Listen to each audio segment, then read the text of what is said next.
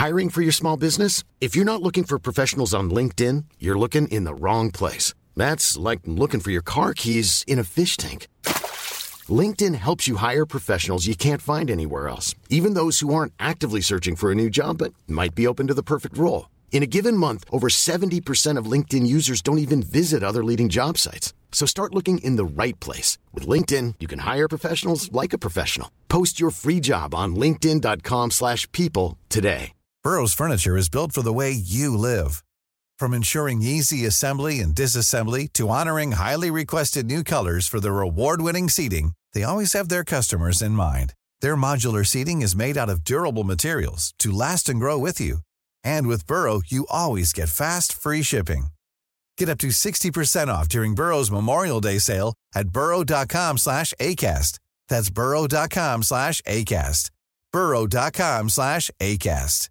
Hey, it's Paige DeSorbo from Giggly Squad. High quality fashion without the price tag. Say hello to Quince.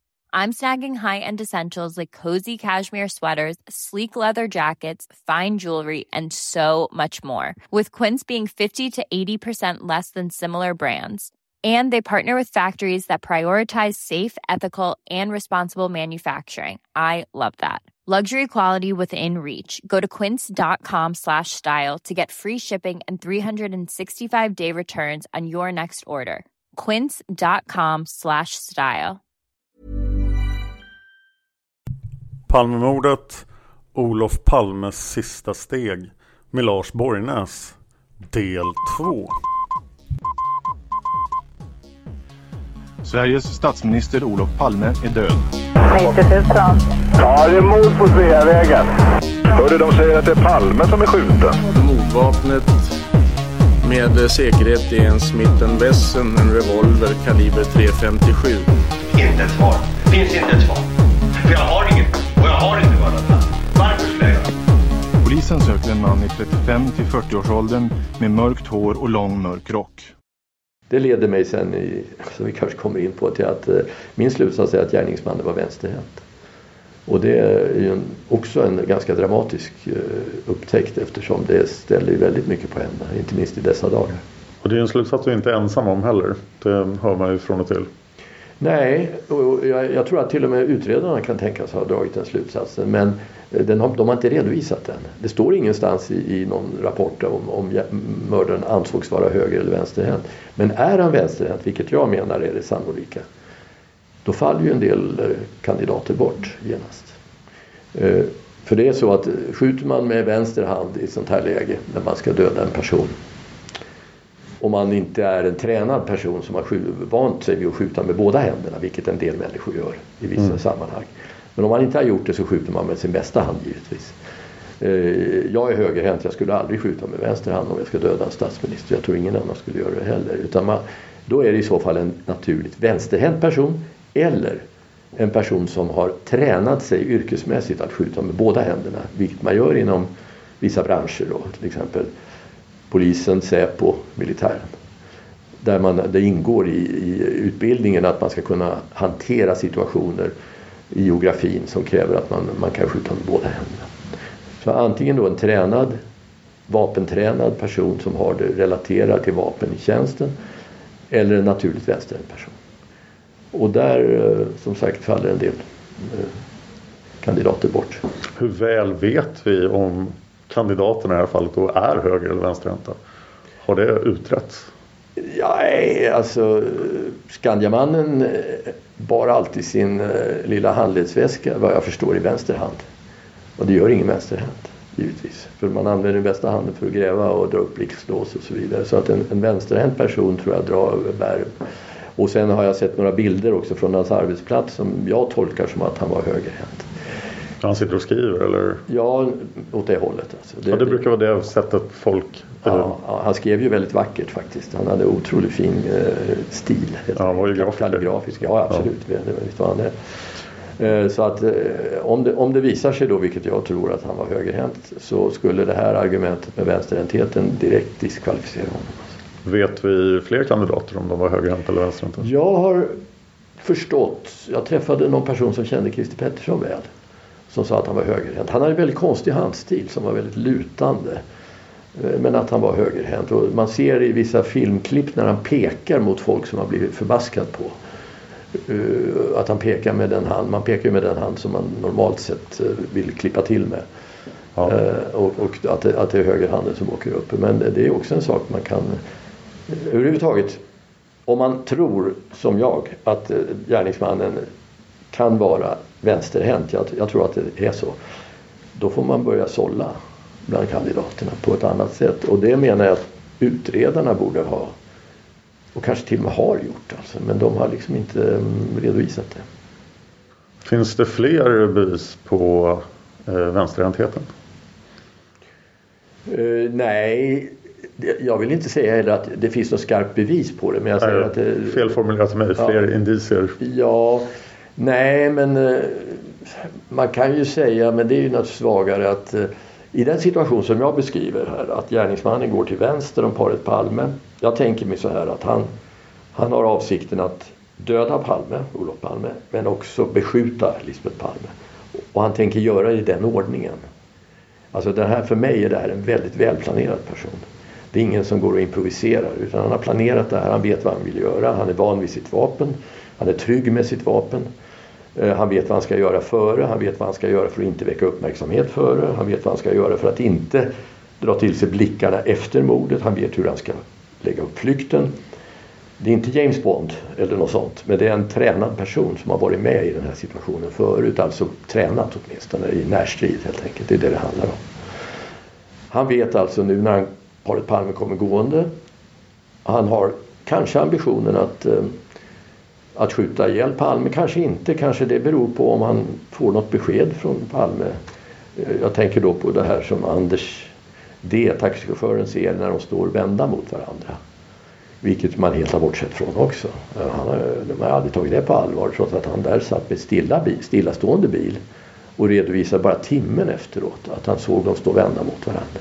Och sen trollades det bort helt enkelt. Det är spännande att hans tingsrättsförhör börjar vid skotten att de automatiskt struntar i den Och det gör även det andra polisförhöret med honom. Det är bara första polisförhöret där, de, där, där, han råkar säga detta. Och sen var det en intervju med Lars Adaktusson på, på natten där han berättar om det här också. Uh, hur han ser dem stå där. Och då tror jag han säger att de stod och pratade. Men sen modifierande, han vet ju inte om de pratar men de stod vända mot varandra. Mm. Vilket ju ytterligare är en uppgift som strider helt mot Lisbeth Palmes.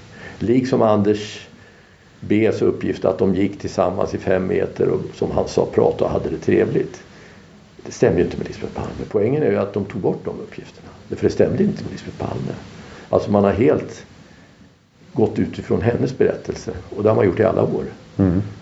Eh, besynnerligt. Vi kan ju återkomma till det men eh, det ska vi göra. som jag menar så är det en god möjlighet att det gick till precis så. Gärningsmannen tog kontakt med, han kan ha vetat att de var på väg dit. Han hade förhandskunskap, jag tror att det var så, jag tror att det var en fälla helt enkelt. Han, eh, han visste att de skulle passera åtminstone den platsen vid ungefär en viss tidpunkt. Han går upp, börjar prata med dem. Kanske omkring reklampelaren eller något efter, jag vet inte vad det ska vara. Men, men eh, eh, en bit före boplatsen. De kommer i samspråk. I något skede ställer de sig och pratar. Om det är först eller om det är senare, det vet jag inte. Men jag kan anta att det är kanske först innan de sen börjar gå de här sista stegen. Han fortsätter att prata. Eh, Lisbeth Palme kanske drar lite före eftersom, jag vet inte, det, det, är bara en spekulation men eftersom hon hamnar före sen så kan det ju tänkas att hon, eh, hon skyndar på lite grann. Eh, men det, det, kan jag inte säga att jag har stöd för.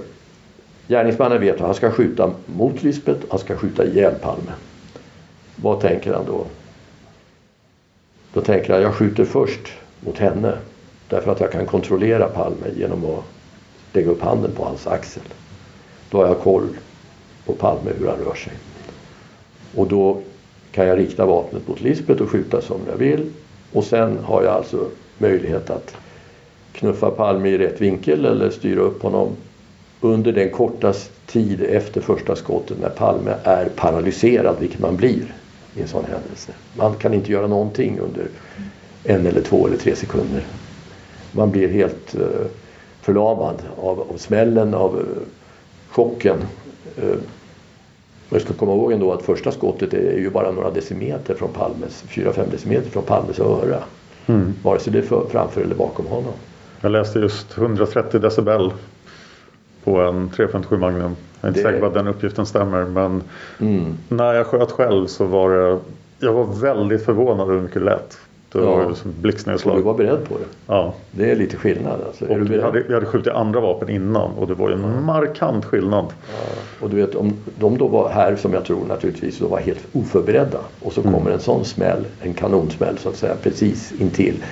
Då har man ingen chans att göra någonting de närmaste sekunderna och det kan jag gott och väl tänka mig att den här personen då som gjorde det visste. Alltså att man, man räknar med det. Och jag ger exempel på här hur i polisarbete när man ska gå in i en lägenhet till exempel så slänger man in en flash and bang granat som det heter. Alltså en, en granat som först eh, ger ett starkt ljussken och sen så blir det en väldig smäll. Och då vet man att de där inne i rummet som man vill komma åt är paralyserad i 3, 4, 5 sekunder. Man kan gå in och sen behärska, behärska rummet. Det är alltså en känd teknik. Ja. Så vi antar det att eh, Palme blev så på det viset eh, förlamad av smällen, vilket gärningsmannen gott och väl kan ha räknat med, så sätter han upp vapnet mot Palmes rygg och har då någon sekund, några sekunder på sig att göra det. Eh, och inte behöver räkna med något motstånd från Palmes sida. Hade han väntat längre så skulle Palme börja göra motstånd, kasta sig åt sidan eller vad du vill. Men, men inte de första sekunderna. Därför måste det gå väldigt fort. Mm. Och då för att komma tillbaka till vänsterhäntheten så om man ska göra det skjuta mot, han vet att det är bilar runt omkring, han vet att det är en person bakom. Anders B. Det är bilar runt omkring som i och för sig inte misstänker att någonting ska hända kanske. Det är ju bara Inge egentligen som misstänker någonting där. Men han vet att det finns många som observerar, kommer att observera det.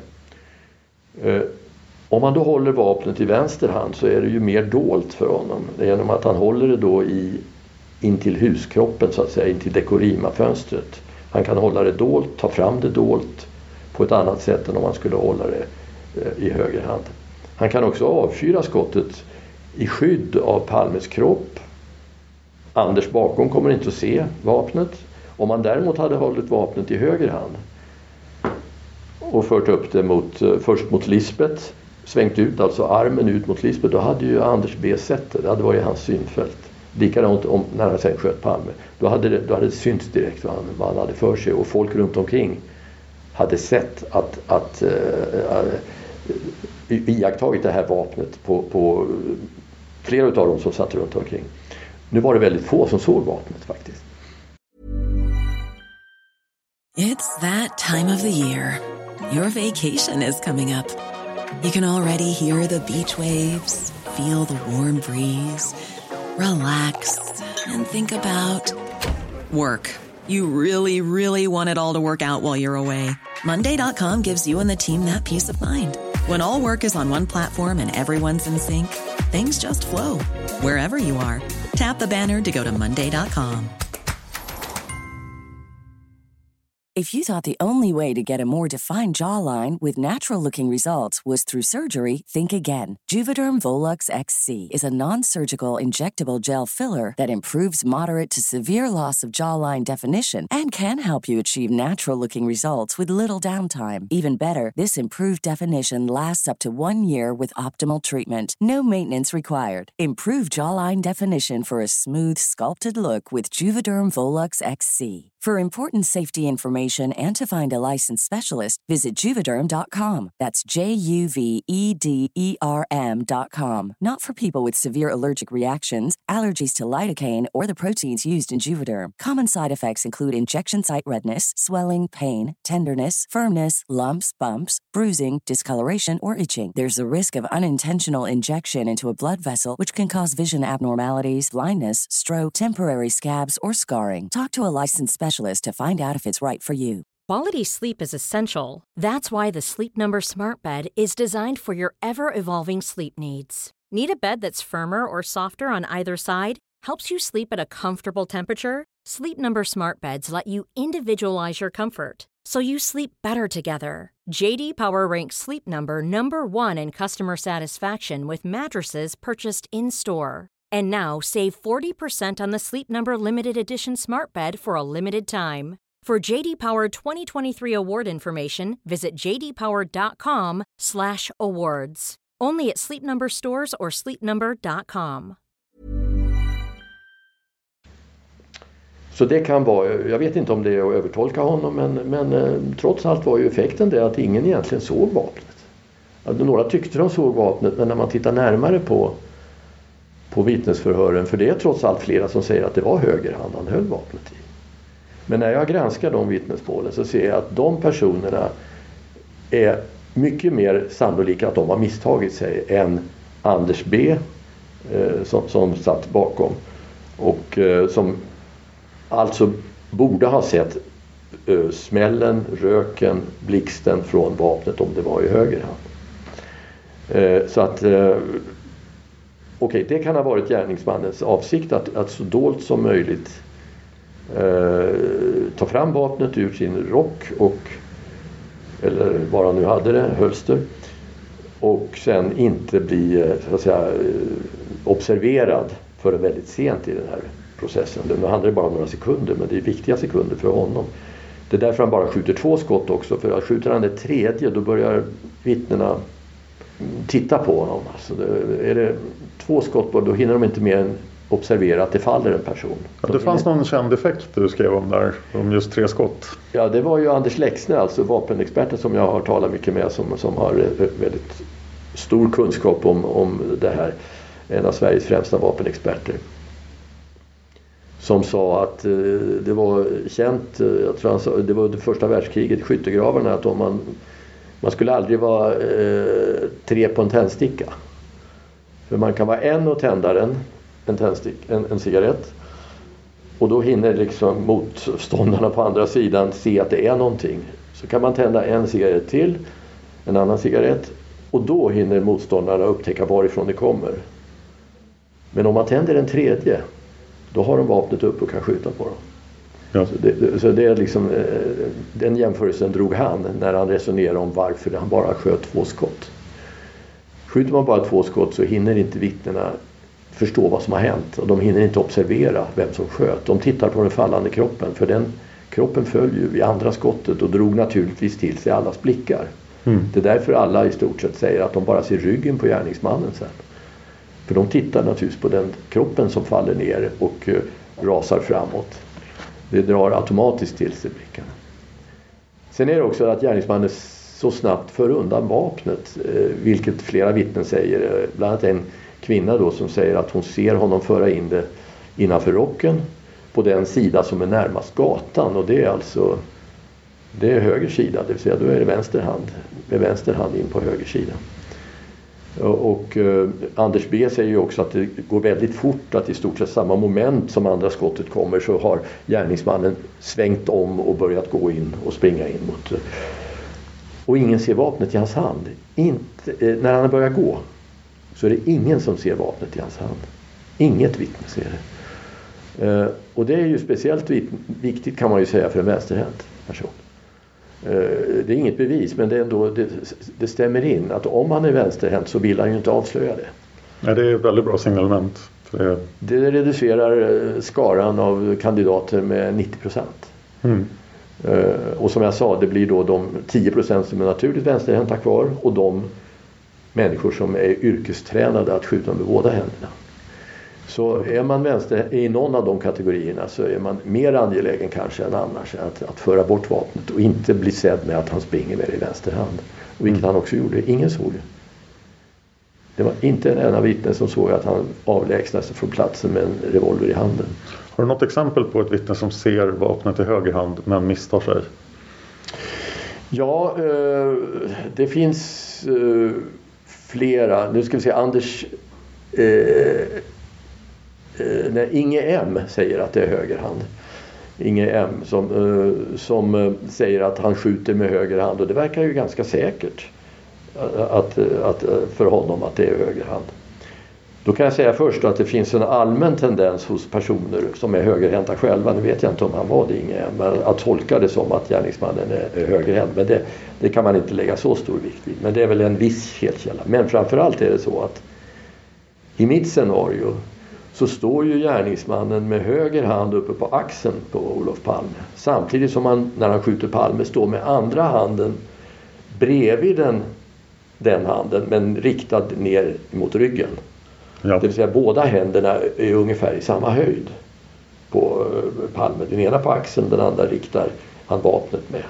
Och för Inge då som sitter 45 meter bort så ser jag en klar möjlighet att han inte kan se vilken av händerna han har vapnet i. Ja, han ser en höjd höger hand så då antar han att det är högerhanden. Just det. Och sen säger han att han tycker att gärningsmannen stoppar ner vapnet i fickan på rocken säger han. Men där menar jag också att det, han måste ju sen som när han har gjort det här och ska ta bort vapnet då måste han ju föra undan rocken på höger sida och stoppa in vapnet innanför rocken vilket han ju gör enligt det här kvinnliga vittnet i taxin. Mm. Och den rörelsen att han för undan rocken på höger sida för att få ner vapnet eh, kan ha misstagits av Inge M som att han stoppar ner va eh, handen, vapnet med handen. Handen med vapnet i fickan. Ja. Nu börjar jag bli lite trött här men, men du förstår vad jag menar i varje fall. Ja. Och, då kan man säga att ja, Borgnäs söker bara fel på alla vittnen. Som man inte... Men det är faktiskt så att de, man måste när det är flera vittnesmål som säger olika saker. Då måste man för det första konstatera det var bara, det var antingen höger eller vänster hand. Det var inte båda. Några har fel, några mm. har rätt som beskriver det. Och då gäller det att hitta vilka, som vilka har mer sannolikt fel och vilka har mer sannolikt rätt. Och, och det, det, är då så att man måste söka möjliga felkällor hos vittnena. Det finns ingen annan metod. Man kan inte kalla det för att man det kan vara hur som helst, för det kan det inte. Det måste antingen vara det ena eller det andra och det gäller att se vilka vittnen eh, är de som har minst svaghet. Vilka vittnesmål verkar starkast och vilka verkar ha mest eh, möjlighet till felkällor. Och det är det jag gör. Ja. Och det är då i det avsnittet som, som handlar om vänsterhäntheten jag vaskar fram slutsatsen att gärningsmannen var vänsterhänt. Och jag tycker det är intressant att när den frågan kommer upp och den bör man nog ställa fler än jag till utredarna faktiskt. För jag har gjort det vid något tillfälle. Om, om mördaren var högerhänt eller vänsterhänt? Vad har ni kommit fram till när det gäller om mördaren var vänsterhänt eller högerhänt? Frågade jag en eh, som person som var nära utredningen. Ja, det kommer jag inte ihåg, sa personen. Så att få fram ett klart och tydligt besked av utredarna. Vad var det egentligen? Var det högerhänt eller vänsterhänt? Det skulle vara oerhört värdefullt. Har ingen spaningsledare uttalat sig om det? Nej. Inte under hela alla år? Har du sett något? Jag kan inte komma ihåg något. Nej, nej, det är inte jag heller. Och jag har ju inte lyft fram det förrän själv förrän nu på senare tid när det här har vuxit, vuxit fram för mig när jag har börjat närma mig mordplatsen. Eh, på, på, och verkligen gå in i vittnesmålet. Vad var det som hände? Hur, hur stod folk och så vidare? Vilka var vinklarna och sådär. Eh, och då kom jag fram till den här slutsatsen att vilken inte är huggen i sten. Jag ska inte säga att jag har bevisat det. Men för mig är det det högst, det mest sannolika. Det vill säga man borde i sökandet efter gärningsmannen borde man ha komma ihåg att det sannolikt är en vänsterhänt person eller en som är tränad att skjuta båda händerna. Jag saknar tvärtom. Ska inte låta det gå förlorat för allmänheten. nej, nej. nej, men det är viktigt det här att för när jag började skriva den här boken för 5-6 år sedan. Det har alltså varit en lång process. Eh, födslovåndor. Så var min utgångspunkt att det går inte att leta efter lösningen utifrån motivbilder. Därför det finns så enormt mycket motivbilder. Du kan börja var du vill i världen och i Sverige. Och du, det, det, det, det, funkar inte att göra på det viset. Man måste gå tillbaka till mordplatsen. Och jag kände att jag själv har inte riktigt tillräckligt förstått vad som hände på mordplatsen. Men det är där man kan hitta, det är det enda konkreta vi vet från mordet. Det är ju mordplatsen. Ja. Egentligen är det enda beviset som finns är blodpölen. Därför att kulorna kan vara falska och, och, och, så vidare. Vi har vittnesmål men de vet vi ju inte hur, hur, hur vi ska värdera alltid. Eh, det enda konkreta som finns är blodpölen. Och, eh, och då måste man fundera på vad var det som hände där? Kan man återskapa vad som hände där? Och, och, och jag började granska det, alltså utgå från mordplatsen. Jag var till och med hos Palmegruppen 2017 på våren tror jag det var. Eh, och blev inbjuden att prata med dem och det visade sig att det var ett förhör och det spelades in och jag sa just det här. Att jag har gått tillbaka till mordplatsen och jag har hittat ganska intressanta saker där, sa jag. Och då menar jag en del av det vi har pratat om här, alltså med, med skottföljden och, och sådana saker. Och, eh, eh, så det skulle jag kunna berätta om men då vill jag ha papper och penna och så vill jag gärna att åklagaren är med för att jag vill förstå att det, att det tas på allvar. Var det Hans Melander du pratade med? Melander, ja. Tack, sa han och så gick jag och så hörde jag inget mer. Men sen kom ju Christer Petersson och började prata om att det är viktigt att utgå från mordplatsen. Ja, det har de ju sagt. Det har de ju sagt och det tycker jag var bra att de började säga. Det, så det, det är jag glad för att de gör. Eh, och eh, det tror jag, jag är övertygad om det, att det är ett bättre sätt att komma framåt, att verkligen förstå vad som hände där. Mm.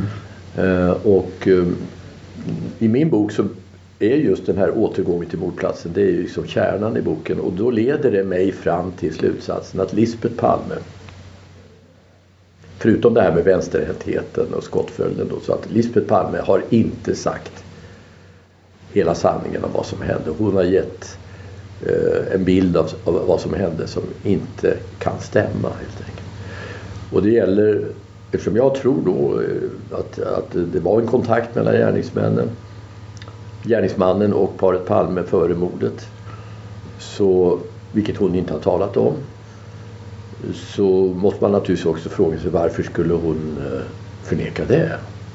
Varför skulle hon, inte, varför skulle hon tala osanning då i så fall? Om, om, om, om det är så att hon har upplevt och sett gärningsmannen och det har hänt någonting innan som hon rimligen borde ha berättat om som skulle kunna leda utredningen framåt. Vilket jag inte utesluter alltså. Och när jag pratar om detta innan, innan boken så att säga kom ut här nu och jag pratade med folk om det. Så men varför skulle hon ljuga om det? Alltså, man uppfattar det som att ljuga och jag måste säga att ja, hon dolde delar av sanningen kan man säga. Eh, och varför skulle hon göra det? Det är en rimlig fråga. Självklart. Hon var ju, vad finns det för anledning att tro att hon skulle välja att inte hjälpa på alla sätt till att lösa mordet? Det verkar ju helt uteslutet. Alltså. Och ändå finns det sådana möjliga förklaringar. Som jag då också Eh, visar i boken. Jag ger förslag på förklaringar som jag tycker är begripliga. Eh, kan vara ursäktliga till och med. Som jag eh, menar att hon, hon kan ha försatts i en situation som tvingar henne att agera som hon gjorde. Och det, de förslag jag ger på möjliga förklaringar det är ju att hon ett kände sig hotad. Alltså om hon skulle peka mot det håll där hon trodde att, eller visste att, att eh, attentatet eh, planerades från så skulle hon råka i fara. Hon och hennes barn och, och så vidare. Alltså familjen, skydda familjen helt enkelt. Att, eh, hon vågade inte peka på det utan då val, vågade, valde hon att hålla tyst. En annan eh, möjlighet är att hon var rädd för att det fanns information i den krets som hon då visste eller misstänkte låg bakom mordet. Information som skulle vara väldigt skadlig för Olof Palmes goda namn och rykte eller för familjen. Alltså helt enkelt en skandalisering om vi säger på, av politisk art eller av privat art. Att hon alltså såg framför sig att om hon anklagar den kretsen för, för det här så kommer det att läcka ut information som kommer att eh, eh, vålla oss väldigt stor skada. Och även Olof Palmes namn då så att säga. Och det kan vara politiskt slag att eh, till exempel man, man hade uppgifter som man skulle läcka ut om att han hade visst samröre med ryssarna eller no någonting sånt där som det fanns starka misstankar om. Ja. Och det fanns ju grupper då som spanade på honom och samlade information om sådana saker. Så det var, det var ju fullt möjligt att det fanns misstänkta kontakter som han hade haft. Eh, och, eller också att det var att, att hans kvinnoaffärer skulle läckas ut. Vilket vi också vet och det ger jag exempel på uppgifter, konkreta uppgifter om kvinnoaffärer som kom in till utredning väldigt tidigt. Att Palme hade förhållanden med kvinnor utanför äktenskapet enligt dessa uppgifter. Det fanns i utredningen. Jag säger ja. inte att det var så men det fanns sådana uppgifter. Mycket konkreta. Eh, och eh, att eh, om Lisbeth Palme då misstänkte eller visste eller trodde att, att sådana uppgifter skulle komma ut om hon pekade åt så att säga, det håll som det gällde så kan det också ha varit en, en, en anledning för henne att inte vilja sätta sig i den situationen. Och i nästa steg då naturligtvis, vilka var det som i så fall skulle kunna ha de här uppgifterna? Om Palme, politiskt eh olämpliga kontakter eller privata kontakter. Det är naturligtvis Säkerhetspolisen som ligger högt på den listan. Det är inte bara de, men i högsta grad att Säkerhetspolisen eh, eh, nästan hade som uppgift att hålla koll på Olof Palme och se hans svaga sidor som nationens ledare. Det, det måste en säkerhetspolis göra. Eh, att veta vilka hans svaga punkter är och så vidare. Eftersom det kan innebära ett hot mot landet också att, att man har en svaghet hos sin statsminister. Ja. Så, eh, och vi vet ju också, och jag har ju redovisat det även tidigare och gör det även här nu, att det fanns grupperingar, eller en gruppering i varje fall inom Säkerhetspolisen som hade tagit på sig att hålla koll på Palme och samla information om honom. Och eh, som Sten Andersson, då utrikesministern, sa till mig redan på 90-talet att han fick information om att det fanns en sån grupp eh, efter mordet och han blev väldigt upprörd. Han förutsatte att det skulle utredas, sa han, vilket aldrig gjordes så vitt man vet. Så Säkerhetspolisen eh, var ju en kandidat då till att eh, kunna vara den krets, dels där gärningsmannen kom ifrån och dels som hade sådana möjligheter att eh, så att säga blockera Lisbeth Palme från att ge hela sanningen. Jag tycker det är fullt logiskt och det skulle också faktiskt man förstå hur hon tänkte då när hon i så fall gjorde det på det viset. att eh, Ställd inför det valet kanske vem av oss som helst skulle föredra att, eh, att inte sätta sig i den situationen som, som hon såg framför sig. Ehm, så det, det är väl eh, mitt svar på frågan varför skulle hon välja att inte hjälpa utredningen så gott hon kunde. Vi vet ju också att hon uppenbarligen försökte, eh, hon obstruerade ju mot utredarna. Hon ville ju inte låta sig intervjuas på band. Eh, så allt som vi vet från hennes förhör det är ju nedtecknat i dokument men det finns inget bandinspelat. Vi vet inte vilka frågor som hon inte svarar på till exempel. Vilka, vi vet inte ens vilka frågor som egentligen ställdes. Eh, hon lät sig ju inte hon var ju inte på någon rekonstruktion på bordplatsen heller. I motsats till alla andra vittnen. Det, det är ju vansinnigt märkligt. Eh, ja, det tycker nog alla mordutredare att det är en eh, nästan unik händelse. Att en efterlevande som varit på platsen när hennes man dör inte går dit och visar polisen vad som hände. Eh, medan alla andra, vitt, alla andra vittnen har ju varit där och visat precis. De har ju liksom följt polisens rutiner. Eh, och det är normalt att göra. Men det är inte normalt att bryta på det viset. Tvinga polisen att bryta sina rutiner som att de inte får band, spela in på band till exempel. Eh, hon vägrade ju också redan på sjukhuset att tala med de poliser som skickades ut från våldsroten. Två stycken som man skickade ut för att göra ett djupare förhör med henne. Nej. Just det, det har vi nämnt i Lisbeth del 1. Ja, och så sa hon att hon var villig att prata med Säpo istället. Vilket ju, man måste fråga varför då? Varför skulle hon vara villig att prata med Säpo? Och där börjar man ju se eh, en antydan till det som jag talar om. att eh, Jag tror ju att det är en god möjlighet att Säkerhetspolisen, inte som organisation men eh, individer, någon gruppering inom Säkerhetspolisen är inblandad i mordet. Antingen på egen hand eller ihop med eh, utländsk säkerhetstjänst till exempel. Säg Sydafrika eller någonting sånt där. Kanske andra också. Och att det har varit helt omöjligt att utreda. Från första början. Jag kan tänka mig att man redan från början förstod. Att det var så. Eh, Hans Holmér redan förstod att det var så. Men eftersom det inte går att utreda Säpo. Eh, det, det, finns, det är väldigt svårt att utreda en säkerhetstjänst i ett land. Samtidigt som det ofta är säkerhetstjänster inblandade i mord på statsledare.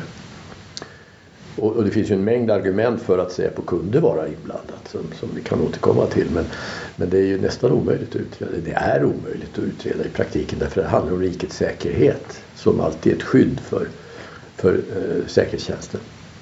Palme hade väl också en ganska lång och eh, problemfylld relation med Säpo. I högsta grad. Och då är det ju viktigt att påminna om att Säkerhetspolisen idag är något helt annat än vad det var då. Idag är ju Säpo vår, vårt trygga skydd mot terrorism och så vidare. Och som vi alla kan lita på tycker vi och naturligtvis kan vi det. Men det var inte så då. Då var alltså Säkerhetspolisen i fejd med, med den socialdemokratiska ledningen, inte minst med Olof Palme. Alltså man, man, och det finns ju vittnen om det, om vittnesmål om hur man gick omkring i Säpos korridorer och sa att man, Palme borde skjutas. Och som jag sa så fanns det en grupp då som uppenbarligen som, eh, som spanade på Palme i smyg för att se ja, som, som det uppfattades, som man uppfattade dem som landsförrädare. Alltså det är ju saker vi inte kan föreställa oss idag. Att det kan förekomma i säkerhetstjänst. Men det var läget då 1986. Palme var ju oerhört omtvistad i, i sina utrikeskontakter inom de kretsar, Säpo, högerextrema kretsar och så. Så det är ju en helt annan bild eh, man måste ha av Säkerhetspolisen för att förstå att det här faktiskt kan vara en, en möjlighet att, att de var inblandade i mordet på landets statsminister. Vi har väl också den, det faktum att Hans Holmér var chef för Säpo ett tag. Han visste ju mycket därifrån om Säpo och um, jag tror att han kan ha insett att där fanns lösningen helt enkelt. Men han kunde inte göra något åt det. Det var enklare att ta det villospår som Säpo gav honom, la i knät på honom, PKK. Som han fick eh, omedelbart och som han sen bestämde sig för att köra 100% på. Hans Holmér hade väl också en problematisk historia med Säpo. Då. Han var väl Vissa antar att han var satt som chef för Säpo just för att vara Olof Palmes redskap i Säpo.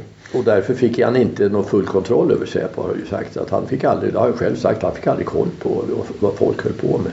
Och en av de som han hade svårt med var ju eh, Frånstedt, Olof Frånstedt som då var hög chef där på Säpo. Och, eh, som har i sina memoarer och även i intervjuer, jag har gjort en intervju med honom innan han gick bort då för några år sedan, där han sa att han uppfattar Palme som landsförrädare, potentiell landsförrädare, som Sovjetagent. Och Frånstedt som alltså var en hög Säpochef på 70-talet sa att det första man borde leta efter när Palme sköts det var just det här motivet. Alltså. Och han var ju förvånad att man inte hade gjort det. För det här motivet med landsförrädarskapet det har ju överhuvudtaget inte utretts. Det fann ju granskningskommissionen, det fanns inte med. Resan till Moskva och allt det där som Palme mm. skrev. Så det är, man kan säga att Säpo har varit ett helt mörkt fält i utredningen i 34 år.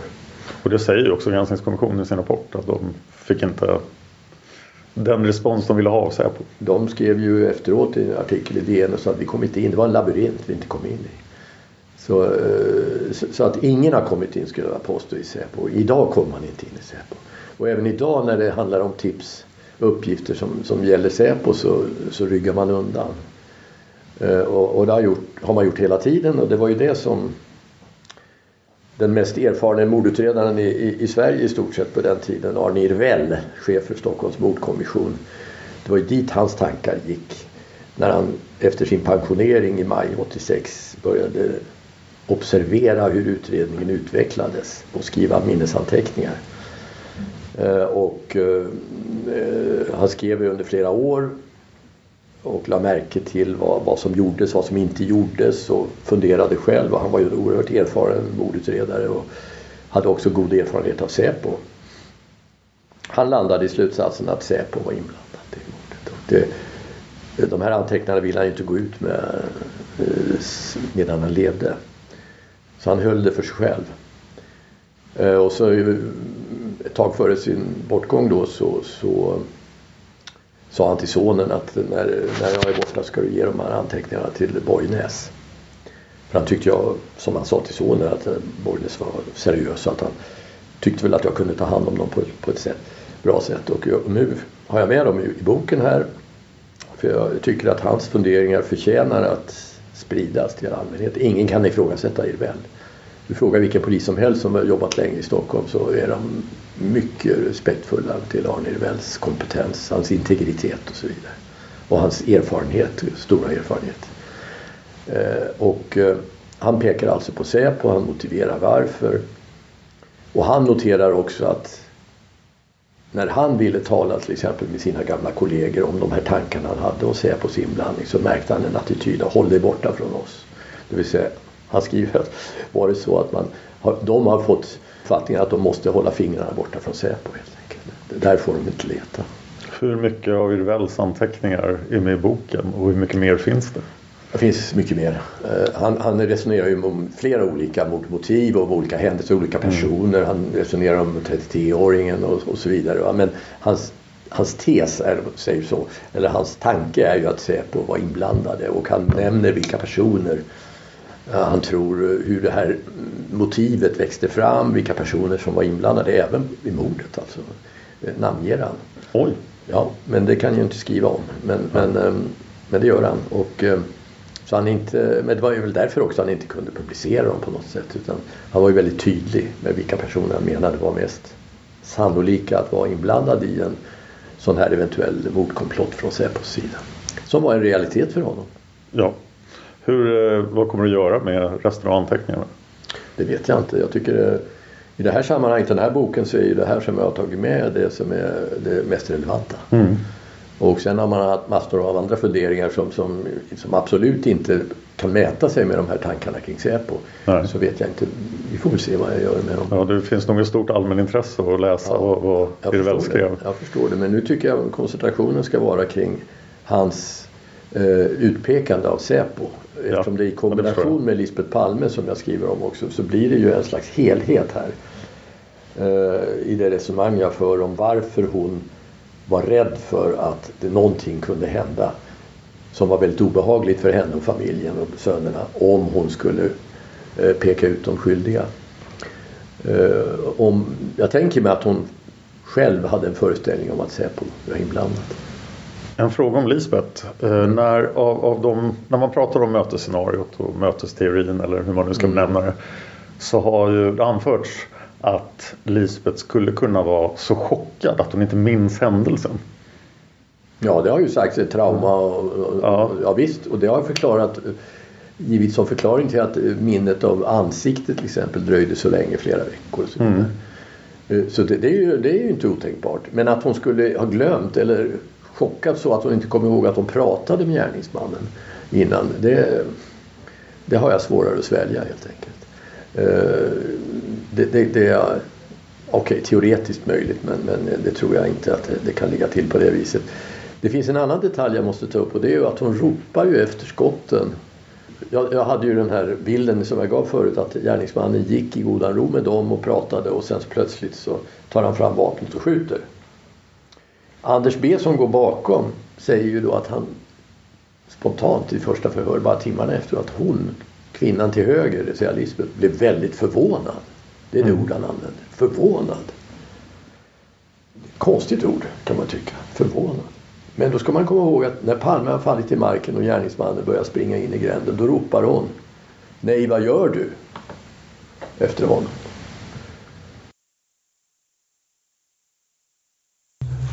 Och mer Lars Borgnäs blir det nästa vecka. Om ni tycker om det faktum att Palmemordet fortsätter komma ut trots alla omständigheter i samhället just nu så är vi otroligt tacksamma för ert stöd på Patreon. Det är det som möjliggör oss att fortsätta arbeta med det här. Så tack så mycket alla som stöder Palmemordet på Patreon. Vi hörs igen nästa vecka. Man hittar Palmes mördare om man följer PKK-spåret till botten. Därför att ända sedan Julius Caesars tid har det aldrig hört talas om ett mord på en framstående politiker som inte haft politiska skäl. Polisens och åklagarens teori var att han ensam hade skjutit Olof Palme. Och det ledde också till rättegång. Men han frikändes i hovrätten.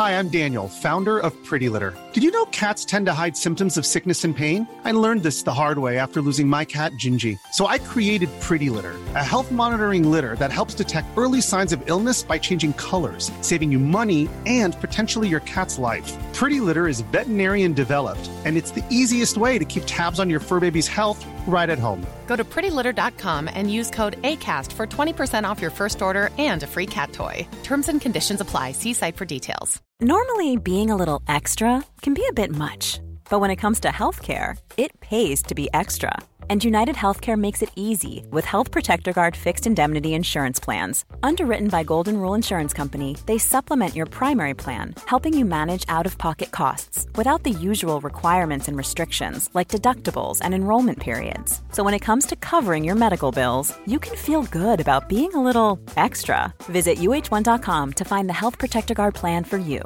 Even when we're on a budget, we still deserve nice things. Quince is a place to scoop up stunning high end goods for 50 to 80% less than similar brands. They have buttery soft cashmere sweaters starting at $50, luxurious Italian leather bags, and so much more. Plus, Quince only works with factories that use safe, ethical, and responsible manufacturing. Get the high-end goods you'll love without the high price tag with Quince. Go to quince.com/style for free shipping and 365-day returns.